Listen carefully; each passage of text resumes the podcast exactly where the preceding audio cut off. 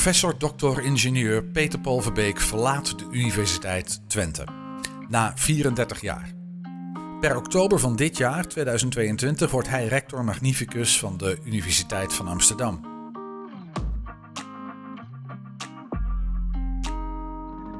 Verbeek was en is een toonaangevende denker op het terrein van techniek en filosofie. Een vakgebied waar de Enschedeze Universiteit al decennia lang wereldwijd de toon zet. Niet in de laatste plaats door zijn werk en dat van zijn voorganger Hans Achterhuis.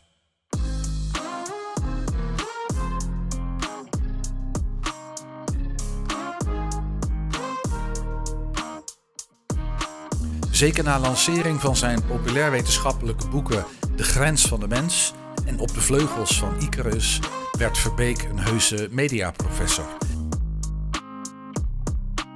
Hij schoof aan bij talkshows en gaf college op Lowlands met een verbindende en uitgebalanceerde benadering van de ontwikkeling van nieuwe technologieën. Techniek is onlosmakelijk verbonden aan het mens zijn. Wij zijn naakte apen die zich altijd hebben bediend van technieken om vooruit te komen. Niets om bang voor te zijn. Maar met een ongebreidelde verheerlijking van technologie maken we ook brokken. Techniek roept ethische vragen op, maar heeft ook een eigen moraliteit. Het verandert ons, zeker nu het in de vorm van medische toepassingen onder onze huid kruipt, letterlijk.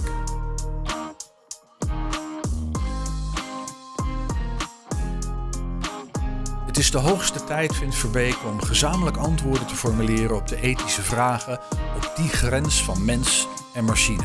En vooraf, niet pas als technologieën zijn geïntegreerd in de werkelijkheid van alle dag. Sprak met Verbeek over zijn fascinatie voor wetenschap, filosofie en techniek. Over de rol van wetenschap in onze huidige wereld en het afbreken van de ivoren toren van waaruit wetenschappers soms hun waarheid over ons uitgieten en over zijn jaren in Enschede en zijn toekomst aan de grootste universiteit van ons land.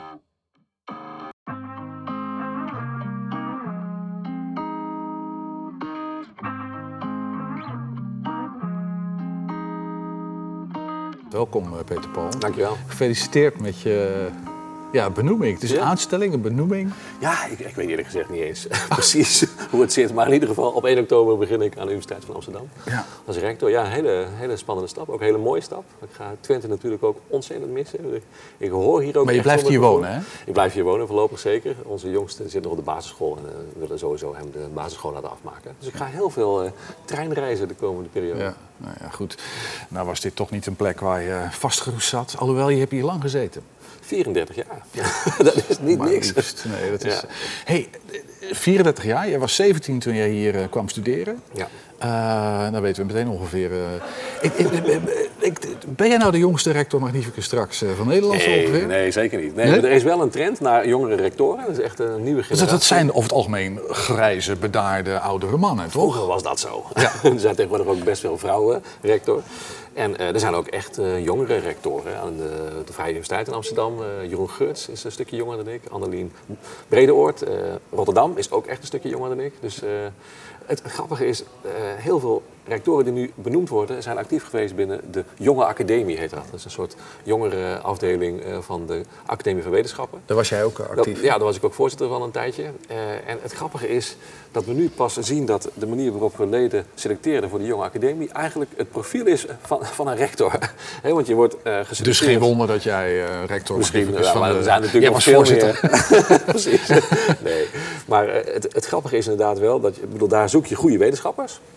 Eh, in de eerste schifting, ja, Want dat is echt een selectieproces. Ook voor de jonge academie Ja, is een selectie. Het is een ballotage. Oké. Ja, nou, het is dus niet een ballotage. Dus, eh, dus dat- dat- er zijn mensen die mogen anderen voordragen, zijn er maar vrij weinig.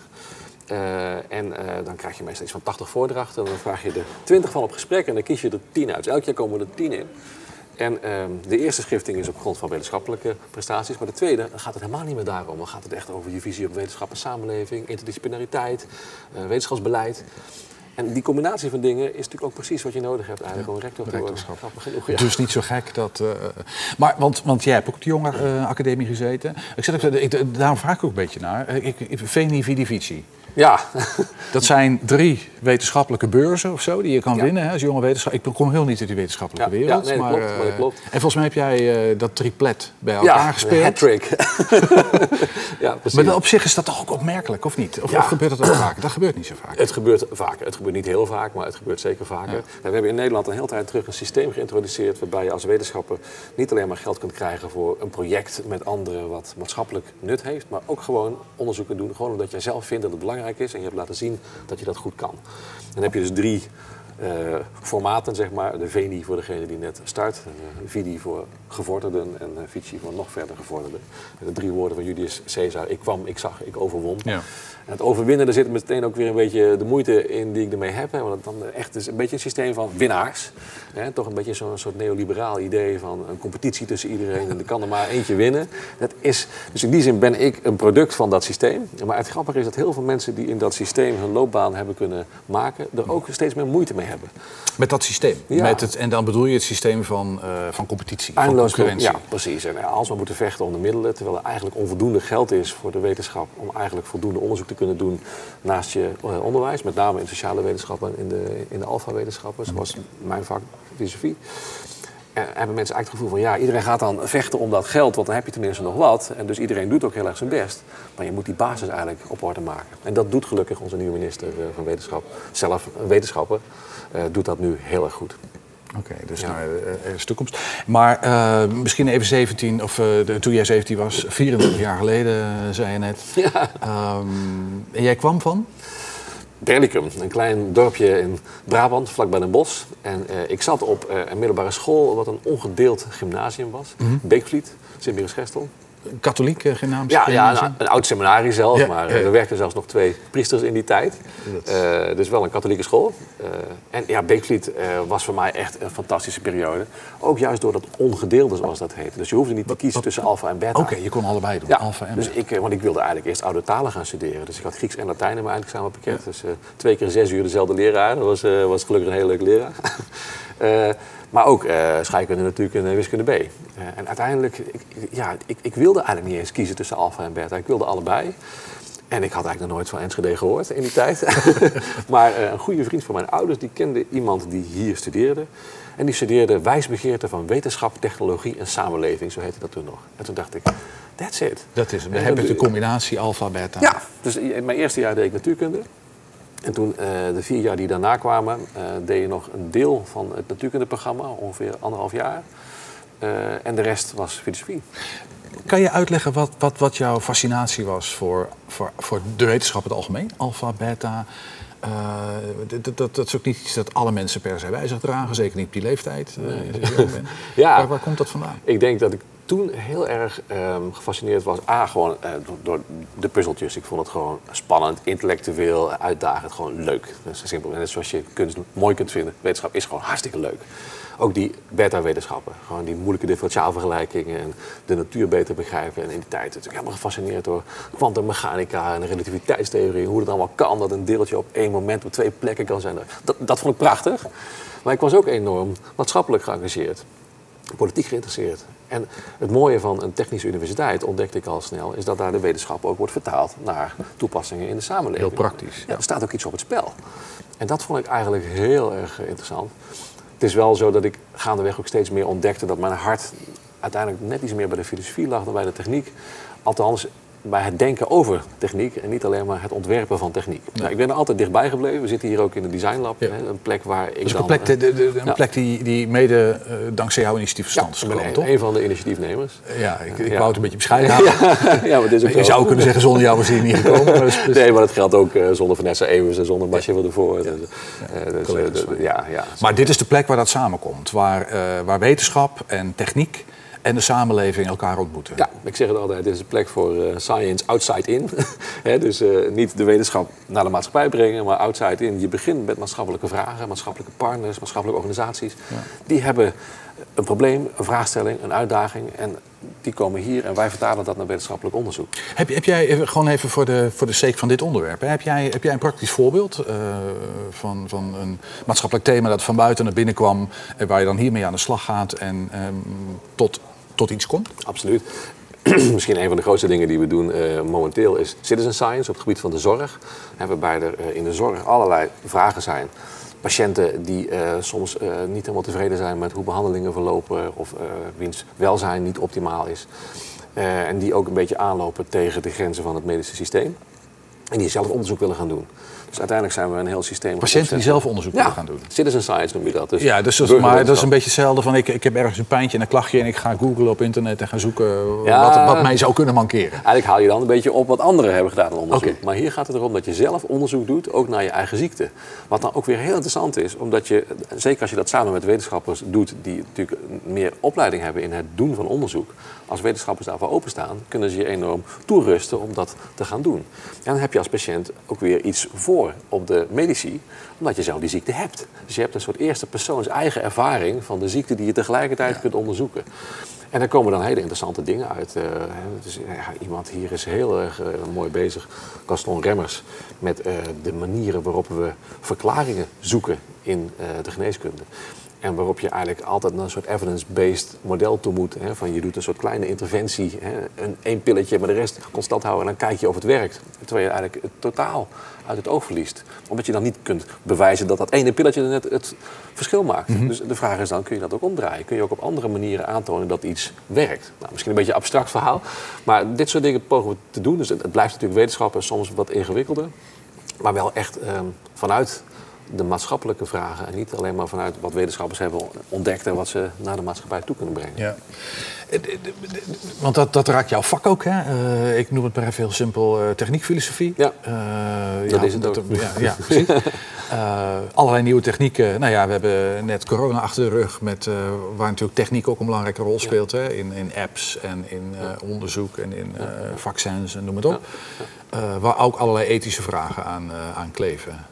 Ehm, heb jij het idee dat die vragen, zijn dat dingen die, die, die, die heel erg jou of jullie als, als groep wetenschappers bezighouden?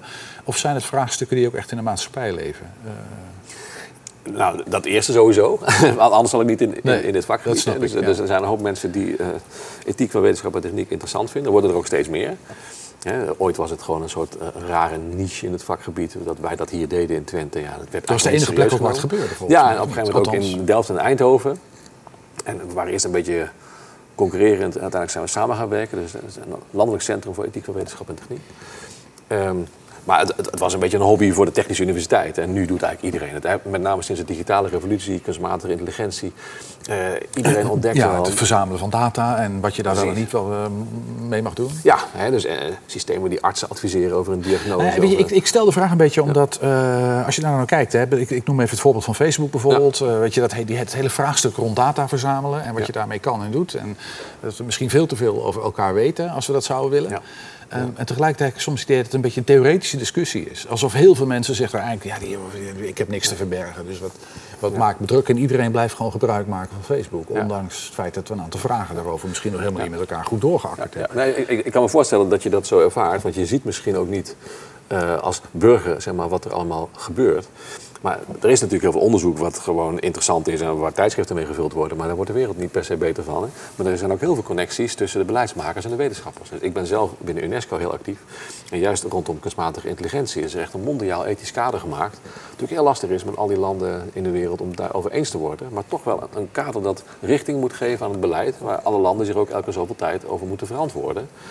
Op EU-niveau is het nog veel strenger. Daar, daar gaan we echt. Uh, uh, straks, ik weet niet of het al is geïmplementeerd, maar er komt een hele strenge richtlijn over kunstmatige intelligentie, waarbij de algoritmes echt door een soort audit, door een soort beoordeling moeten.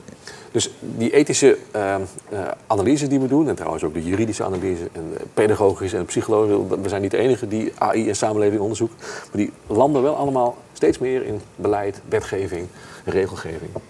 Belangrijk. Vind ik ontzettend belangrijk. Uiteindelijk is dat ja, misschien wel waar ik het ook voor doe. Ik, bedoel, ik vind het ook heel spannend om het onderzoek te doen. En ik heb ook gewoon die fascinatie voor filosofie en voor kunstmatige intelligentie, hoe dat werkt. Ik, vind, ik bedoel, ik las als kind te kijken al, als je hier op zo'n UT rondloopt, dan doe je dat eigenlijk heel de dag. Uh, maar ik vind het ook gewoon maatschappelijk ongelooflijk belangrijk dat we dit doen. Uh, en dat is denk ik iets van nou, de afgelopen tien jaar steeds groter geworden. Ja, maar je vindt het belangrijk dat we dat doen, omdat we anders in een, in een samenleving belanden waar techniek ons heeft overgenomen Ja. ongeveer. Dat we eigenlijk vaak een oppervlakkig beeld hebben van techniek. Eh, wat, techniek ofwel als een soort middeltje voor een doel. Nou, het is gewoon een instrument en we kunnen het Maar gebruiken. het is niet. heel lang geweest, toch? Ik bedoel, eh, wij wilden harder lopen. Eh, Ja. We gingen het wiel uitvinden. Ja. We wilden wat harder kunnen mappen, dus we, we ja. vervonden de bijl uit, toch? Ja, maar heel elke techniek die we ontwikkelden heeft ons ook weer veranderd. Het feit dat we met een, een vuistbijl eh, gingen werken, heeft veranderd hoe we gingen eten. Uiteindelijk zelfs ons spijsverteringskanaal veranderd, omdat we ons eten gingen snijden in plaats van het zelf in ons eigen maagzuur moeten doen. hebben we allemaal maagzuurpillen dat we de maagzuur niet meer nodig hebben, bij wijze van spreken. Dat is een beetje overdreven. Maar goed, Dat, dat is ook wel heel erg eh, jouw ding, hè? Die, die verwevenheid van de mens met de techniek. Ja, eigenlijk is mijn werk daar altijd over gegaan, eh, sinds ik hier zit. Op allerlei manieren. Maar sinds jij hier zit, dus dat begon alweer... Want je kwam hier binnen als jongetje, je ging natuurkunde doen. Ja, ja, nou ja eigenlijk begon het toen, toen ik ging afstuderen, eh, voelde ik een soort onvrede met hoe die techniekfilosofie in elkaar zat. Want het was heel conservatief. Eh, het ging altijd over dé techniek en daar moesten we tegen zijn. Eh, wel maatschappelijk ge- geëngageerd, maar wel heel conservatief. En het stond zo haaks op wat ik hier ervaar. Al die ingenieurs die juist van een enorme maatschappelijke gedrevenheid uitgaan en juist een betere wereld willen. En natuurlijk kan dat soms naïef zijn, dan zie je. Maar ik dacht, dat verhaal van Heidegger en Jaspers en zo, dat, is, dat kan niet het hele verhaal zijn. Dus mijn afstudeerscriptie ging daar een beetje over. En mijn proefschrift uiteindelijk ging echt over de vraag hoe kunnen we nou op een andere manier over techniek nadenken. En dus eh, de analyse daar was eigenlijk dat we Wat triggerde dat bij jou? Waar, waar- is dat kwartje gevallen? Dat je zegt van, oké, we, we, we kijken te conservatief en te angstig naar techniek. Dat moeten we anders gaan doen. dat, dat die twee harten in mij klopten. Dat ingenieurshart was er ook. En niet alleen maar het filosofiehart. zeg maar, het, beta-hart en het alfa-hart Mhm. klopten allebei even hard. en dan denk je, ja, ehm, je kunt wel van een grote afstand als filosoof de techniek gaan bespreken. En allerlei uitspraken doen over de techniek. Maar je moet gewoon beter kijken. En dat hoort ook bij filosofie. Gewoon goed kijken, wat speelt er nou echt? Dat hoort bij wetenschap per definitie. Dat, is precies. niet alleen filosofie. Dat- precies, precies. Eh, nou ja, kijk, als filosoof probeer je ook vaak te abstraheren. Maar als je zoveel abstraheert dat je eigenlijk niet meer weet Geen wat je aan het abstraheren bent. Ja. Dus mijn proefschrift ging eigenlijk over de vraag hoe we het perspectief kunnen omdraaien. Dus eigenlijk was mijn analyse daar dat eh, de filosofen van vroeger, zou je kunnen zeggen, als ze het over techniek hadden, altijd als het ware achteruit dachten. eh, naar de voorwaarden achter techniek. En dan gingen ze over die voorwaarden praten. De technische manier van denken of zo, of de technische inrichting van de samenleving. Een beetje vanuit de gedachte dat zeg maar, de mind, de mens, dat is ongeveer het hoogste goed. En alles wat daarna komt, dat Ja. is, eh, dat, En- dat en- moeten en- we, daar moeten we met Ja. afstand beschouwen en daar moeten we voorzichtig mee zijn. Want Ja, precies. man is king. Ja, en door die eh, manier van denken gaan we dan techniek ontwikkelen. Dus eh, in plaats van het over de apparaten te hebben, ging het over die manier van denken. En mijn proefschrift, De Daadkracht der Dingen, heette dat, eh, ging eigenlijk over de vraag: kunnen we het ook omdraaien? Kunnen we beginnen met de dingen? En ons niet afvragen wat erachter ligt, maar meer wat ze doen. Hoe beïnvloeden die apparaten nou onze manier van denken, onze manier van met elkaar omgaan? En ook vanuit de gedachte dat die dingen er altijd zijn, er altijd zullen zijn en altijd opnieuw zullen worden uitgevonden. en we zullen ja. altijd met dingen te maken hebben, dus die doen iets met ons. Dus je kan wel zeggen dat is eng Ja. En, en, en daar moeten we, maar daar schiet je niet zoveel mee op. Nee, eigenlijk een hele simpele analyse die ik overigens ook echt ontleende aan een Amerikaanse golf van techniekfilosofie die opkwam vanuit Don Idy, een eh, Amerikaanse denker die ook nog steeds leeft.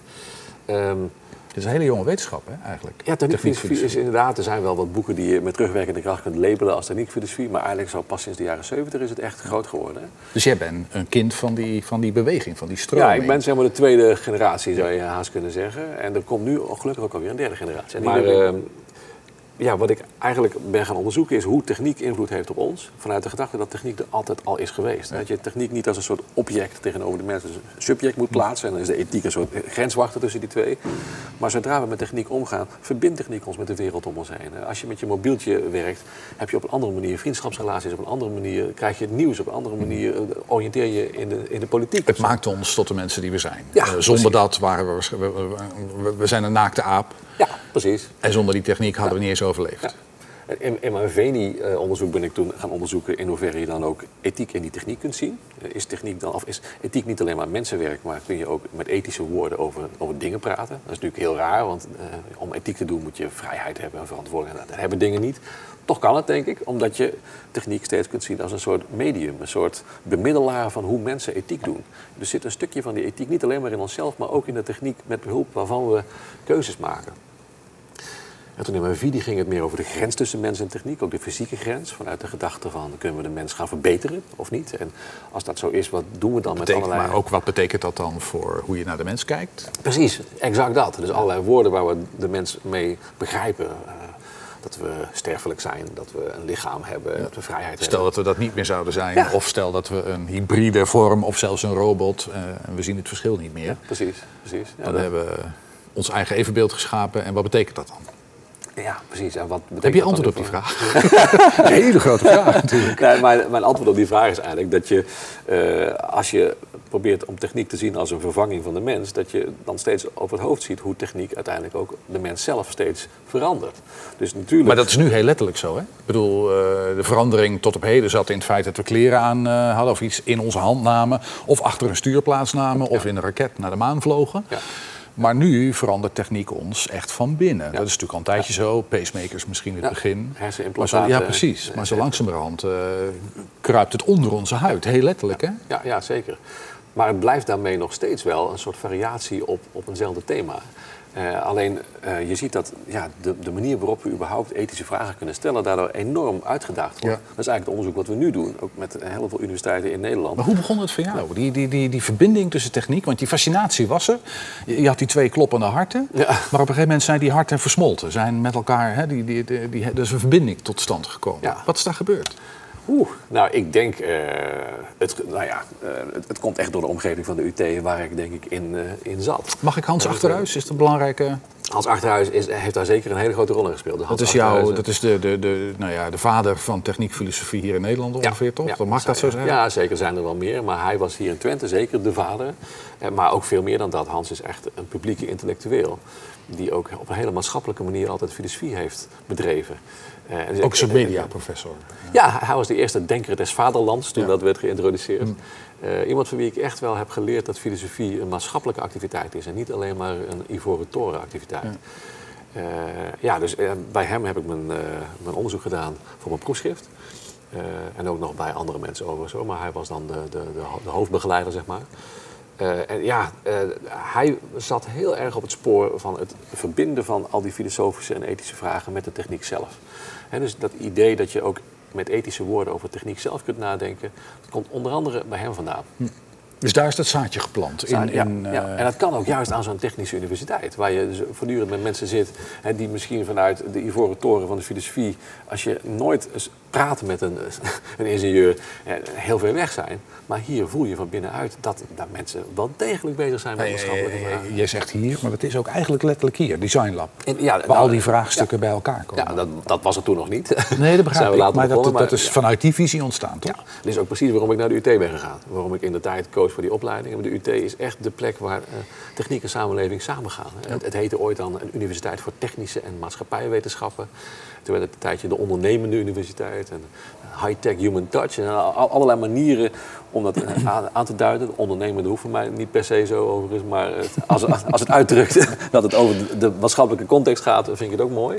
Ik denk dat dat is echt het DNA van de Universiteit Twente. Ik, ik hoor je een beetje zeggen dat het geen toeval is dat, eh, dat, dat de discipline van techniekfilosofie eh, hier een vlucht heeft genomen. Absoluut. Dat, Zeker. dat heeft een geschiedenis, dat is ergens vandaan gekomen. Ja, zeker ja.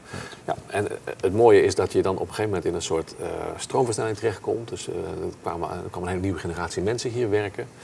De, dus de mensen met wie ik ben gaan samenwerken uiteindelijk toen ik hier ook ging werken, niet alleen maar weer studeerde, maar hele andere mensen dan de mensen die mij hebben opgeleid. Maar het werd een soort magneet. ik, ik, ik, zeg even Hans Achterhuis, Ja. maar dat was die eerste generatie. Ja, ja. En daarna kwam de generatie Verbeek en consorten. Ja, zeker. Ja. En dat, dat, dat is een hele mooie tijd geweest eigenlijk. Dat, ja, het werd echt een soort magneet. En eh, buitenlandse onderzoekers wilden hier komen. De ene subsidie naar de andere. En we waren een heel klein groepje. En nu zijn we denk ik met 35, 40 mensen. Ik, ik weet niet precies hoeveel, hoeveel er zijn. Het ligt er ook aan wie je allemaal meetelt en wie niet. Maar eh, het is gewoon een, echt een bloeiende groep. eh, die ja, ook echt nieuwe wegen heeft ontgonnen. Dan zit jij bij UNESCO, hè? Eh, Dat is even een beetje eh, het, het, het, het, het Twentse trots misschien, of, of, of niet, dat mag je corrigeren. maar jij zit bij UNESCO, je hebt volgens mij heb jij een redelijk beeld van wat er wereldwijd speelt. Dus het gaat om techniek en filosofie en die combinatie daarvan, ethiek. Ja. Ehm, hoe, hoe- de- de- de- waar plaats jij deze universiteit, waar jij nu 34 jaar gezeten hebt, waar plaats jij die in, in dat geheel? Is dat een brandpunt van, eh, een mondiaal brandpunt van techniek, filosofie of overdrijf ik zeker. nou? Nee, Ja? zeker, zeker. Ik bedoel, Nederland is überhaupt, denk ik, het mondiale centrum voor techniek filosofie. Dus hier wordt echt nagedacht over die vraag, welke ethische vragen levert techniek nou Ja, op? ja. Eh, en welke ethische eh, thema's kunnen we verbinden aan de dingen die we uitvinden, Ja, die we met elkaar en, en toepassen Ja, in onze ja, wereld. Dus ik bedoel, Delft Eindhoven zijn ook echt heel actief in techniekritiek. Delft is weer wat groter eh, dan Eindhoven in, die vak, ja, in dat vakgebied. Maar Twente is niet alleen maar ethiek. Twente doet ook eh, de filosofie van de technische wetenschappen, filosofie van mens en techniek, wat ik zelf doe. Dus Twente heeft eigenlijk een heel breed scala aan techniekfilosofie aan boord. Ja, en het grappige is dat we in Nederland dus echt ja, mondiaal worden gezien als het centrum voor techniekfilosofie. Wat ook weer een historische achtergrond heeft. Want ooit gingen al die eh, technische hogescholen, technische universiteiten worden. Die hadden allemaal een klein filosofieafdelingje, die gaven wat onderwijs. Maar toen moesten die allemaal beoordeeld worden om onderzoeksgeld. En dat ging allemaal niet zo goed. Ik zit een beetje et naar je te luisteren. Het is ook een soort van, je, je bent ook in de juiste tijd geboren of zo. Nee, maar wat jij, wat jij schetste is een verhaal van een soort oorsprong, een bron. Dat zie je begonnen. Hans Achterhuis even als equivalent daarvan. Eh, jij kwam hier als 17-jarig jongetje studeren. Ja, Ja. jongetje, maar... eh, Ja, nee, zeker, ja. ja. En je bent meegenomen in die stroom. Ja. Ehm, lucky bastard. ja, absoluut. Met jouw twee kloppende hart, zeg Ja, maar. nee, ja, absoluut. En niet alleen ik, er zijn denk ik heel veel mensen Ja. uit die generatie eh, eh, die daar enorm eh, veel plezier aan hebben gehad. En ook heel veel kunnen betekenen. Eh, iemand als Ibo van der Poel bijvoorbeeld, hoogleraar aan TU Delft. Ook zo iemand, eh, die zat net een jaar boven mij. Hè, ik weet nog dat ik hem ook zag op, de, op, op een open dag toen ik hier kwam als puber. Dat ik dacht, oh ja, dat, zo, zo wil ik ook worden. Het was een hele mooie tijd, ja. Ja, wat ik, nou, nou word ik echt oud. Ja, dingen. Ja, ja, je, wordt, eh, ja, je, hebt, je hebt straks nog wat afscheid hier te nemen en zo. Dan krijg je die hele riedel. eh, dan mag je de- de- ronddwalen in de nostalgie. Peter Paul. Want je gaat dit verlaten. De- de- de- als ik jou zo hoor praten, dan voelt het ook wel, maar misschien is dat niet waar, maar als een soort aderlating. Van ik laat dit, want dit, dit heeft 34 jaar en eigenlijk misschien al langer jouw leven getekend. ja, zeker. Nee, ik ga het enorm missen. En jij gaat, je gaat je ontwortelen en je gaat Ja. ja, iets heel anders doen, wel in de wetenschappelijke wereld, maar veel met de bestuurlijke rol en veel globalistisch, of zeg je dat, algemene. ja, nee, zeker. Je laat de techniekfilosofie in de steek. Nee, dat niet. Dat zeker niet. Eh, het is ook niet eh, voor de rest van mijn leven. Hè? hoe, lang, hoe, lang, eh, hoe lang gaat de rector mee gemiddeld? Een jaar of vijf, zes? Dan- ja, dus je wordt voor vier jaar benoemd. En als het allemaal goed gaat, dan Misschien nog kun een je keer. nog een keer worden benoemd. En dan vaak ga je dan halverwege die tweede periode. Niet voor de rest van je leven, Nee, dat snap ik. nee, maar, goed, dit is wel een, een markante overgang. Het is zo. En dus ik heb daar ook echt heel goed over nagedacht. Ik doe dat niet lichtzinnig. En ik, er zit ook niets negatiefs naar de UT. Integendeel, ik ga het enorm missen. Ik, ik ben hier als een vis in het water. Het is denk ik eh, een combinatie van eh, een persoonlijke behoefte... simpelweg om mezelf nog wat verder te ontwikkelen. Ook andere kanten van mezelf te ontwikkelen. Ik doe nu al heel lang... Welke kanten zijn dat? Eh, ik denk iets meer de ja, zeg maar bestuurlijke kant. Iets meer de politieke kant ook. Ook, Mhm. Ook die maatschappelijke, wetenschap. dat, dat Ja. engagement. zeg Dat is het precies. hè. Dus mijn echte hart ligt bij die verbinding van wetenschap en samenleving. En eh, ik doe dat nu inhoudelijk al heel lang. En eh, dat gaat me heel goed af. En ik, ik zit gewoon als een vis in het water. En ik heb ook het gevoel, als ik dit nog heel lang blijf doen... dan daag ik mezelf op een gegeven moment ook echt niet meer uit. Ik, ik wil me doorontwikkelen. De Universiteit van Amsterdam is eh, een universiteit... die grappig genoeg heel erg op de UT lijkt omdat er A, Slagje ambitie... Dit, dus, dus, het is heel veel groter, het is de allergrootste, is de grootste van Nederland, En de UT is een van de kleinere. Maar de combinatie van echt een streven naar excellente wetenschap... plus enorm maatschappelijk engagement... dat is echt heel erg herkenbaar. Dus hoe meer ik me ging verdiepen in de, in, in de Universiteit van Amsterdam... toen ze me vroegen om, eh, of ik wilde solliciteren... eh, waarvan ik afhankelijk een beetje aarzelend was... dacht ik, wow, dit is toch wel ongelooflijk gaaf. En als het je lukt om op zo'n grote universiteit iets te doen met zeg maar, de rol van de universiteit in deze nieuwe configuratie, in deze nieuwe tijd, hè, waarbij er eigenlijk steeds meer eh vermaatschappelijking van de wetenschap is en verwetenschappelijking van de maatschappij, met grote woorden. We, we- hebben steeds meer wetenschap nodig om maatschappelijke keuzes te maken. En Covid, ik bedoel, je kon niet anders dan met apps, met wetenschappelijke kennis, vaccins, etc. En, en dat leidt tot allemaal moeilijke maatschappelijke discussies. Dus als wetenschapper moet je ook een bepaalde rol in de maatschappij leren spelen. Niet Je kunt niet meer in je ivoren toren iets Precies, roepen over precies. eh, hoe wij dat met elkaar allemaal zouden moeten Ja, doen. ja. Maar je moet die verbinding zoeken, want anders dan eh, creëer je oorlog. Dat betekent ook dat de wetenschap steeds meer ook, eh, ook wordt gedreven door maatschappelijke vragen. Natuurlijk ook nog door eigen nieuwsgierigheid, dat is ook hartstikke belangrijk. Maar ook door maatschappelijke vragen. Ja. Dus is een hele nieuwe tijd, heel spannend. En uh, de Universiteit van Amsterdam zoekt ook heel erg naar een goede balans tussen die nieuwsgierigheidsgedreven wetenschap en die maatschappelijke impact. En zocht er echt een rector die uh, ja, maar tussen de vakgebieden in zich kon bewegen, die een visie had op wetenschap en samenleving. Ik dacht, nou, dit vind ik een ongelooflijk mooie uitdaging. Ja, kan wel, het, het, als ik jou zo hoor, kan ik me heel goed voorstellen dat dat, dat een uitdaging is. Ja. En, maar het, het, even los van Peter Paul Verbeek, is het ook een uitdaging aan zich volgens mij. Want op het Ja. moment dat jij die maatschappij instapt, onder, eh, onderwerp je je ook aan kritiek. Hè? Eh, de wetenschap is niet bepaald onbesproken. Iedereen vindt daar wat van. Ja. Nou ja, de COVID-discussie eh, indachtig, maar er zijn natuurlijk heel veel van dat soort voorbeelden. Ja. Waarin alles wat wetenschappers roepen, eh, nou niet bepaald voor zoete koek wordt aangenomen. Ja, nee, zeker. Dit, maar dit is precies inderdaad wat me ook motiveert om zo'n rol te pakken. Ik bedoel niet dat ik het zelf leuk vind om midden in die kritiek te staan, in tegendeel zelfs. Maar ik denk wel dat dit zo is gaan horen bij wetenschappers zijn. Het is politiek geworden. Je En, kunt maar dat is het eigenlijk nooit geweest. We- Wetenschappers hebben altijd redelijk vrijblijvend hun ontdekkingen kunnen. Dat denk je, hè? maar bijvoorbeeld de, de Wiener Kreis, dat is dan eh, een beweging in de filosofie die echt naar de objectieve wetenschap wilde, is eigenlijk ontstaan als een verzet tegen het fascisme. Eigenlijk tegen, tegen het fake news van de nazi's, als het ware. Als je dat in de taal van nu zou, zou zeggen. Zeg, We moeten terug naar echte wetenschap, objectieve kennis.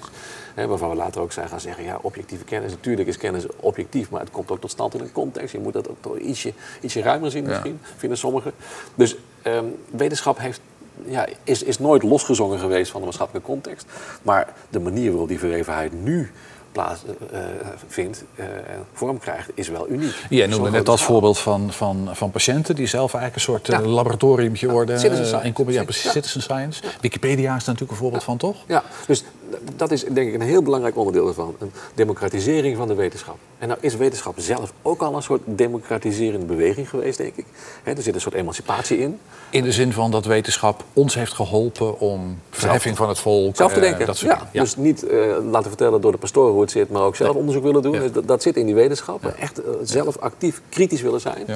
En dat hele democratische potentieel, dat zie je eh, eigenlijk steeds ter discussie staan. Hè. Dus op een gegeven moment kreeg je in Amsterdam natuurlijk ook de maagdhuisbezetting in 1968. Mhm. Want de hoogleraren die grepen de macht, alsof die, die, die hadden de macht. En eigenlijk andere mensen kwamen er niet meer tussen. Dus nou, uiteindelijk heeft dat geleid tot een heel nieuw systeem. Met universiteitsraden, faculteitsraden. Dat liep ook weer vast. Toen kwam er een managementcultuur. In Amsterdam kreeg je zes jaar terug weer een maagdhuisbezetting. Nou Ja, de managers mogen hier toch niet de baas zijn. De wetenschappers moeten de baas. Dus die democratisering moet je steeds opnieuw vormgeven. En ik denk nu in de samenleving zie je ook dat burgers niet alleen maar voor zoete koek slikken wat de wetenschappers ze geven, maar ook zelf actieve wetenschap willen gaan doen. Daar moet je ze wel bij helpen, denk ik. Je kunt dat niet vanzelf. Het is, het is niet iets wat iedereen zomaar kan. Dus, eh, zonder dat dat dan hoe- paternalistisch moet zijn. Nee, maar- precies. ja. Want nou ja, dat is natuurlijk een beetje risico dat de wetenschapper ons wel even bij de handje gaat nemen. Ja, ja, Eh, ik, ik voel de kritiek al komen. Ja, ja, zeker. Maar tegelijkertijd, je kunt ook niet zeggen, nou, we geven iedereen een piano en dan kan iedereen eh, Chopin spelen of Bach spelen. Maar Dus- wat ik jou hoor zeggen is dat die interactie eh, ongelooflijk belangrijk aan het worden is. Veel meer dan die ooit geweest is. Dat is, dat is klopt dat? Absoluut. Ja. Ja, of- ja, precies. En in ieder geval krijgt het een soort verwevenheid nu die het nooit heeft gehad, denk ik. Dat je echt in de politiek niet meer zonder En nooit heeft gehad als in. Nooit in de menselijke geschiedenis op deze manier. Ja, niet eh, voor zover ik kan overzien. maar goed, er zijn natuurlijk ook altijd mooie voorbeelden. Bedoel, Als je Ineke Sluiter hoort, en zo leren klassieke talen, Grieks eh, uit Leiden, die kan al prachtig vertellen over hoe er ook al een soort RIVM was eh, bij de oude Grieken, bij wijze van spreken, die het had over klimaatverandering. Dus je, je kunt de parallellen altijd wel, wel trekken. Ja, nee, ik, het, het- is natuurlijk nooit een, een, een, zeg je dat, een enorme waterscheiding per se geweest tussen wetenschappers en gewone mensen zoals ik. Eh, maar die verwevenheid is nu. eh, hey, ehm, eh, even naar die, naar die kritiek op de wetenschap. Hè. Ehm, nou ja, ik, misschien toch, dat is waarschijnlijk de makkelijkste vergelijking voor ons allemaal, is dat in die COVID-periode, ja, maar rond klimaat speelt natuurlijk precies hetzelfde. Hè. De, de, Ja. de wetenschap zegt dicht. Eh, de, de, wetenschap zegt dat helemaal niet, want de wetenschap zegt, weet je, die, die, die, die, die continue tegenstelling. Ja. Ehm, maar goed, de wetenschap bestaat natuurlijk ook niet. Nee, nee, nou ja, ja en nee. Ik denk, er, er is een wetenschappelijke methode die vrij on, onomstreden is. Dat je namelijk met observaties en rationele argumenten Ja. eh, erachter kunt komen hoe dingen zitten. Alleen dat doe je altijd vanuit een, een, een, een benadering, een soort denkkader. En daar heb je natuurlijk altijd scholen in. He, dus de wetenschappers zijn het ook vaak oneens. He, dus, dat is wat ik bedoel. Ja, maar dit is precies. Je kunt altijd wel een wetenschapper vinden bij je standpunt, dat is ongeveer. Dat, dat weet ik niet helemaal. Nou, ja, kijk, je hebt altijd wel een individu dat heel erg buiten de lijntjes kleurt, dat je kunt vinden om te doen alsof dat ook een wetenschappelijk standpunt is. Ik denk, daar gaat het volgens mij vaak mis. Hmm. Dat je Kijk, dit, dit, dit, is wat ik bedoelde met, je moet ook mensen helpen om uh, in dat wetenschappelijke discours, of in, het, in, die, in die wetenschappelijke manier van praten mee te gaan. Ja. Namelijk, um, niet alles wat je roept is zomaar een feit. Je moet dat goed kunnen onderbouwen. En je moet ook leren snappen, denk ik, dat als een wetenschapper zegt... nou, misschien zit het toch anders met die oorzaken van die klimaatverandering... want we zagen in het verleden ook al schommelingen... dat dat niet betekent dat dus het een totaal omstreden is dat het door de mens komt. Eh, dan moet je dan toch kijken, denk ik, naar hoe die wetenschappelijke publicatie eruit ziet. En het gewoon echt by far, bijna iedereen op een enkeling na, uh, zegt dat het echt vaststaat dat het zo is. Ja. En dus je moet ook kritisch leren omgaan met wetenschappelijke kennis. Dat hoort echt bij burgerschap. En dat is precies die maatschappelijke rol die wetenschappers volgens mij moeten spelen. Niet alleen maar Eigenlijk om, om, ons te helpen om op een goede manier na te denken over wat wetenschap ja. Uh, kritisch ook, precies. Dus ja, ik vind het heel goed dat je kritisch naar wetenschap leert kijken, maar dan moet je het wel op een goede ja, weet je, Het is gewoon even, het is misschien ook wat, wat persoonlijk. Hè? Bedoel, we hebben in het verleden wel vaker eenlingen gehad die rare dingen riepen, vonden we allemaal, maar die achteraf wel gelijk hadden. Ja, dat is zeker zo. Ik bedoel, de, de, de, dat kan nog altijd, toch? Is absoluut waar. Is dat we met elkaar een consensus hebben van, nou, dit is wat er aan de hand is, klimaatverandering, uh, whatever. En dat er toch ergens een rare people rondloopt die over 50 jaar alle gelijk van de wereld blijven Dit is zelfs de kern van de wetenschap. nou ja, dat is, nou ja, daar wilde ik eigenlijk naartoe. ja. ja. toch? Ja, maar, maar dat betekent niet dat alles wat elke typo roept, dus ook maar dat je daar achteraan moet gaan lopen. Nee, nee. dat is... nee, maar dus die kritische benadering van de wetenschap, die is helemaal goed. Maar hoe doe je dat nou op een op, op een manier die in balans is, zeg maar. Dat is ongeveer wat ik jou hoor zeggen. Dan zit je niet in een makkelijke tijd, uh, meneer Verbeek, als je dat wil. Nee, toch? Dat was enorm niet interessant. dat is waar. Maar ons samen is ontzettend gepolariseerd. Uh, het roept allerlei uh, sterke emoties op bij mensen. Ja. Nou hoe, ja, de, hoe, gaan we dat doen? De maatschappij is gepolariseerd, ja.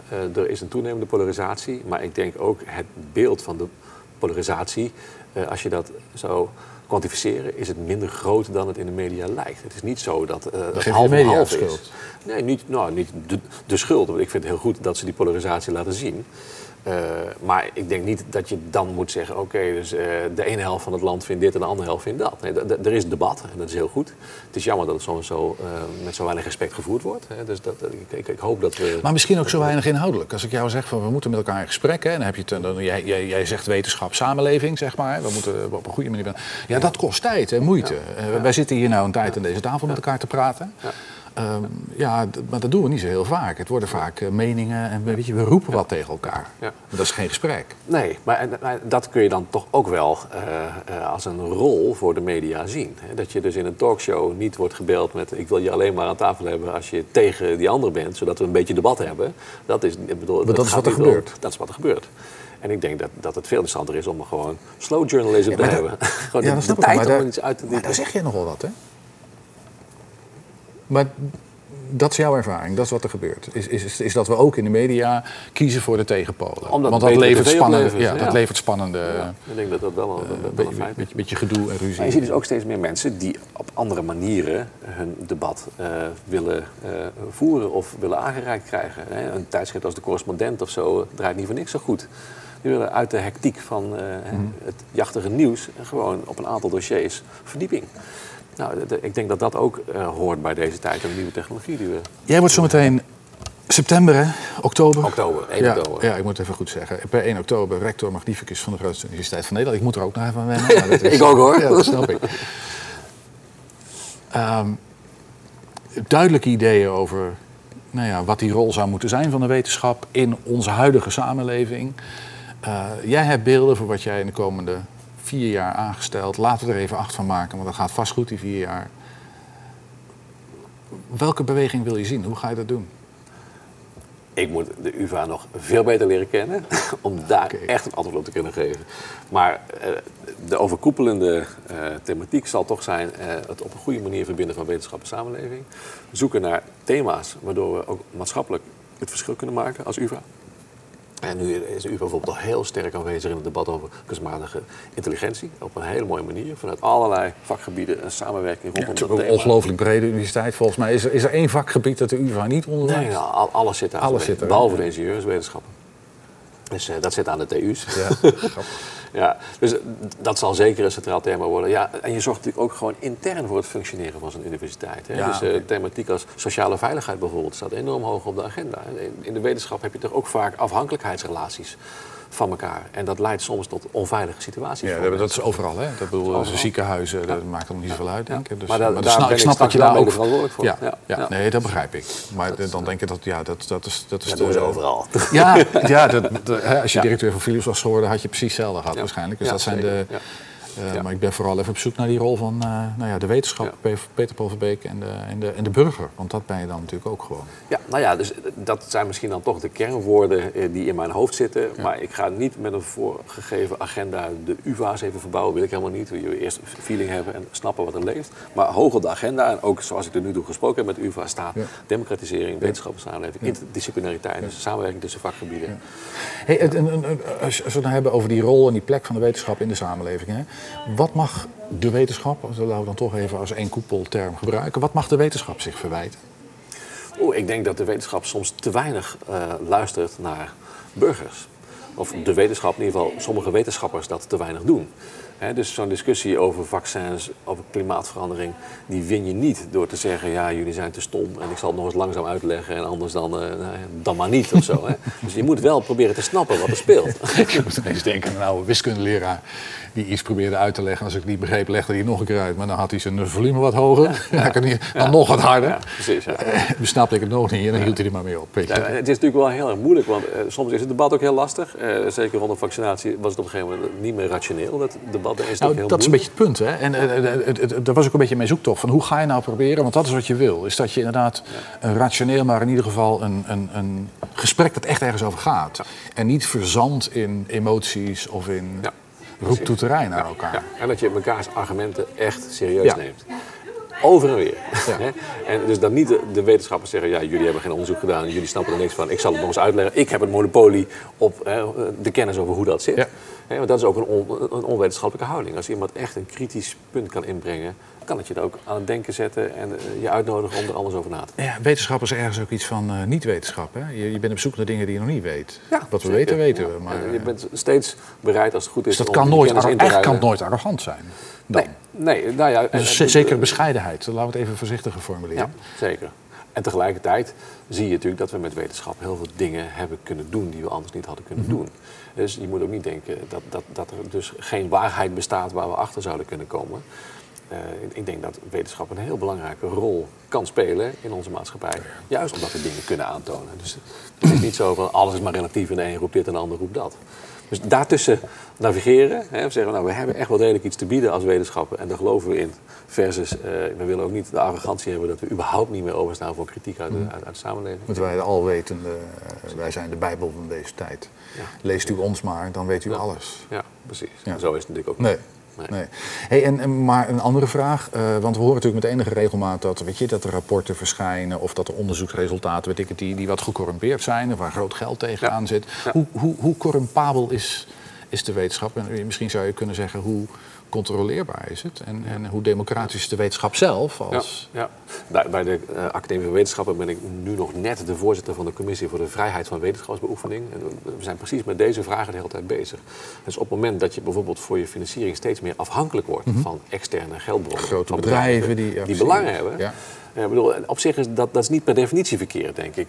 Al- Althans, het is niet per, per definitie verkeerd als je wordt betaald uit dat soort bronnen. Als je maar heel heldere, transparante afspraken Mhm. maakt over je vrijheid van wetenschapsbeoefening.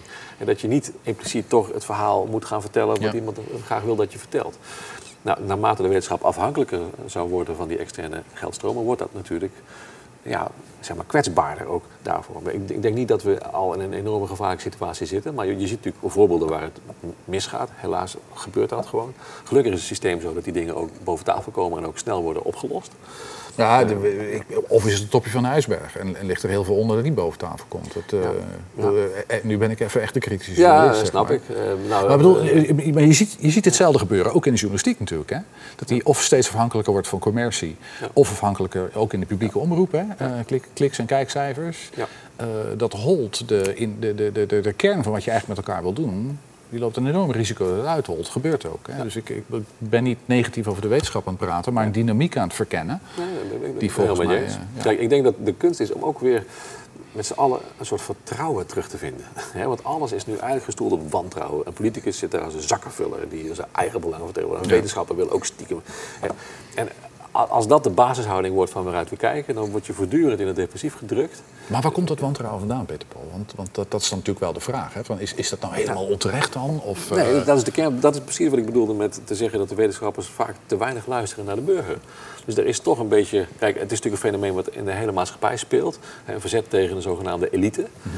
Uh, en ik denk dat het verzet ook komt uit het gevoel van mensen dat ze gewoon niet gehoord worden, dat ze er niet bij komen, dat, dat, dat hun, hun stem er niet meer toe doet. En dat die wetenschappers en de politici en de rechters, dat die het wel onderling regelen, over hun rug heen.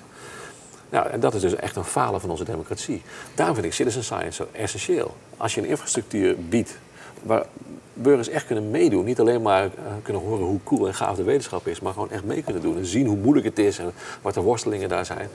Dan zet je de boel zo ver open dat je, dat, ja, tot een gezamenlijk project maakt. Maar het vraagt ook een enorme kwetsbaarheid. Dat betekent dat je, dat je dus corrigeer, corrigeerbaar moet zijn, uh, openstaan voor. Uh, het, het, het, maakt. Het maakt het, is instituut. Dus ja, maar dat is bijna een tegenstelde beweging. Aan de ene kant, je wordt al aangevallen, hè, er is al veel kritiek. Uh, en dan moet je nog eens open gaan zeggen van kom maar op met die kritiek. Ik wil het horen. Ja, dus ik denk dat het doel van citizen science niet is om te zeggen kom maar op met de kritiek. Maar het doel is kom maar eens kijken hoe het hier gaat en doe mee. dus ik vind dat überhaupt... In de ethiek hebben wij een methode ontwikkeld... Uh, die gaat over begeleidingsethiek. Dus ethiek niet als een soort beoordelaar van buitenaf... die vanaf de Ivoren Toren zegt van gij zult dit en gij zult mhm. dat... maar ethiek als begeleider van een technische ontwikkeling.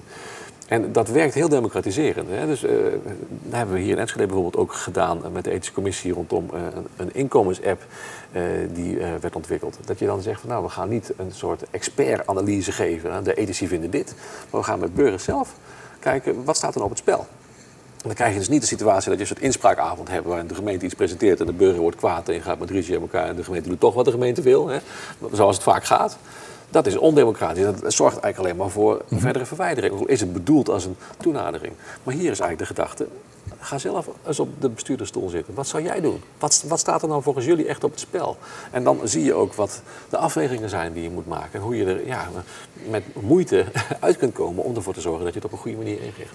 Ik denk dat dat echt het antwoord is. Participatieve democratie, met een groot woord. Democratie is iets waar je aan meedoet. Maar dus ook participatieve wetenschap. Ja, zeker. Citizen science is precies dat. Zeg maar, weer een nieuwe stap in die democratisering van de wetenschap.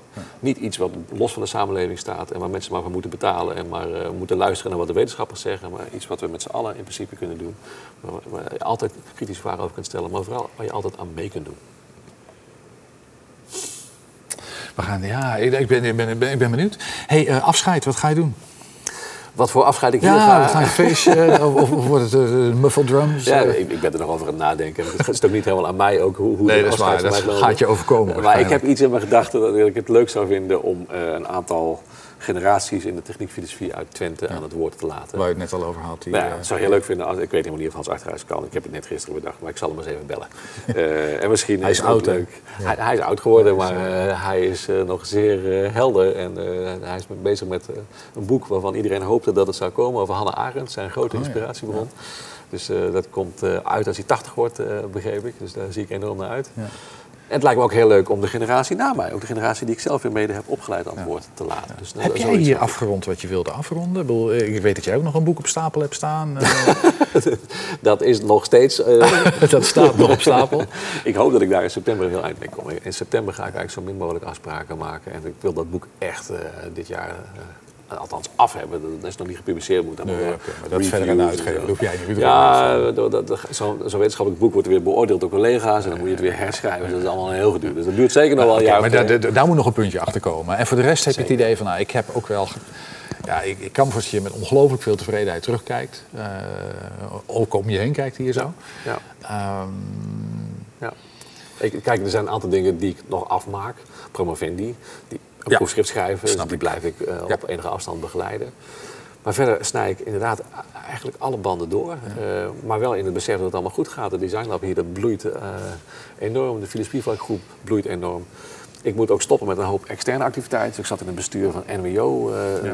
de, de wetenschapsfinancier voor de sociale wetenschappen en geesteswetenschappen. De commissie voor de vrijheid van wetenschapsbeoefening. Het Rathenau Instituut, dat de Tweede Kamer adviseert. Al- Allemaal dingen waar ik ook die koppeling met de samenleving maakte. Ja. Behalve UNESCO blijf je wel doen, geloof ik. UNESCO blijf ik doen. Dat, eh, dat, dat vind ik ook heel erg wezenlijk. En ik denk dat het ook heel erg eh, voedend kan zijn voor mijn rol als rector. En, en, en, en de- misschien tot slot, eh, Peter Paul, je, je persoonlijke ambitie. Eh, je bent nog jong, relatief hè. Ja. Eh, de generatie van de grijze rectoren lag achter ons. Dus, eh, eh, je- dit- dit is een tussenstap in je, in je carrière. maar, maar wat zou jij als, als, als, als wetenschapper, mens, eh, want je, je bent beide. Eh, Ja, ja. Ik, ik heb eigenlijk nog niet zo'n helder beeld. Eh, Eigenlijk is mijn simpele beeld dat ik gewoon straks weer lekker eh, doorga en weer nieuwe boeken ga schrijven. eh, als ik klaar ben met mijn rectoraat. Maar dan vanuit mijn hoogleraarschap aan de Universiteit van Amsterdam. Want ik word daar nu ook hoogleraar filosofie en ethiek van wetenschap en techniek. Oh ja. In een veranderende wereld is er aan toegevoegd. Vind ik een heel, mooie opdracht voor mijn, Zo. voor mijn En een snel veranderende wereld, hè? Precies. Ja. Ja. Eh, dus dat hoop ik te gaan doen. En ik hoop eerlijk gezegd ook als rector eh debatten over de rol van de wetenschap in de samenleving te kunnen voeren. Ik hoop daar ook nog een boekje over te schrijven eigenlijk. Dus eh, in die zin, ik, ik zit als wetenschapper aan die bestuurstafel. Ik blijf wetenschapper en over acht jaar ben ik, of zes, of steeds ben, ik, ben ik nog steeds wetenschapper. En dat, dat, dat is wat ik ben. En vanuit de wetenschap wil ik nu een tijdje ook voor de wetenschap zorgen. Snap ik. Dankjewel, Peter Paul. Graag gedaan. Jij bedankt.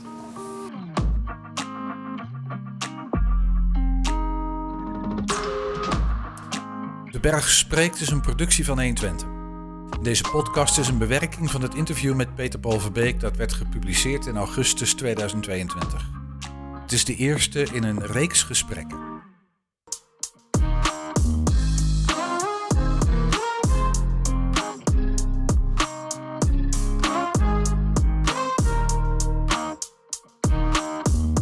Nieuwe afleveringen verschijnen onregelmatig, al naar gelang de momenten waarop we aanleiding zien om die microfoon weer eens lekker lang open te zetten.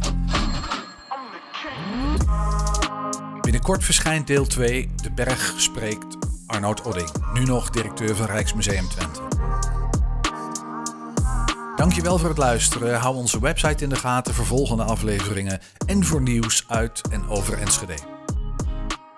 120.nl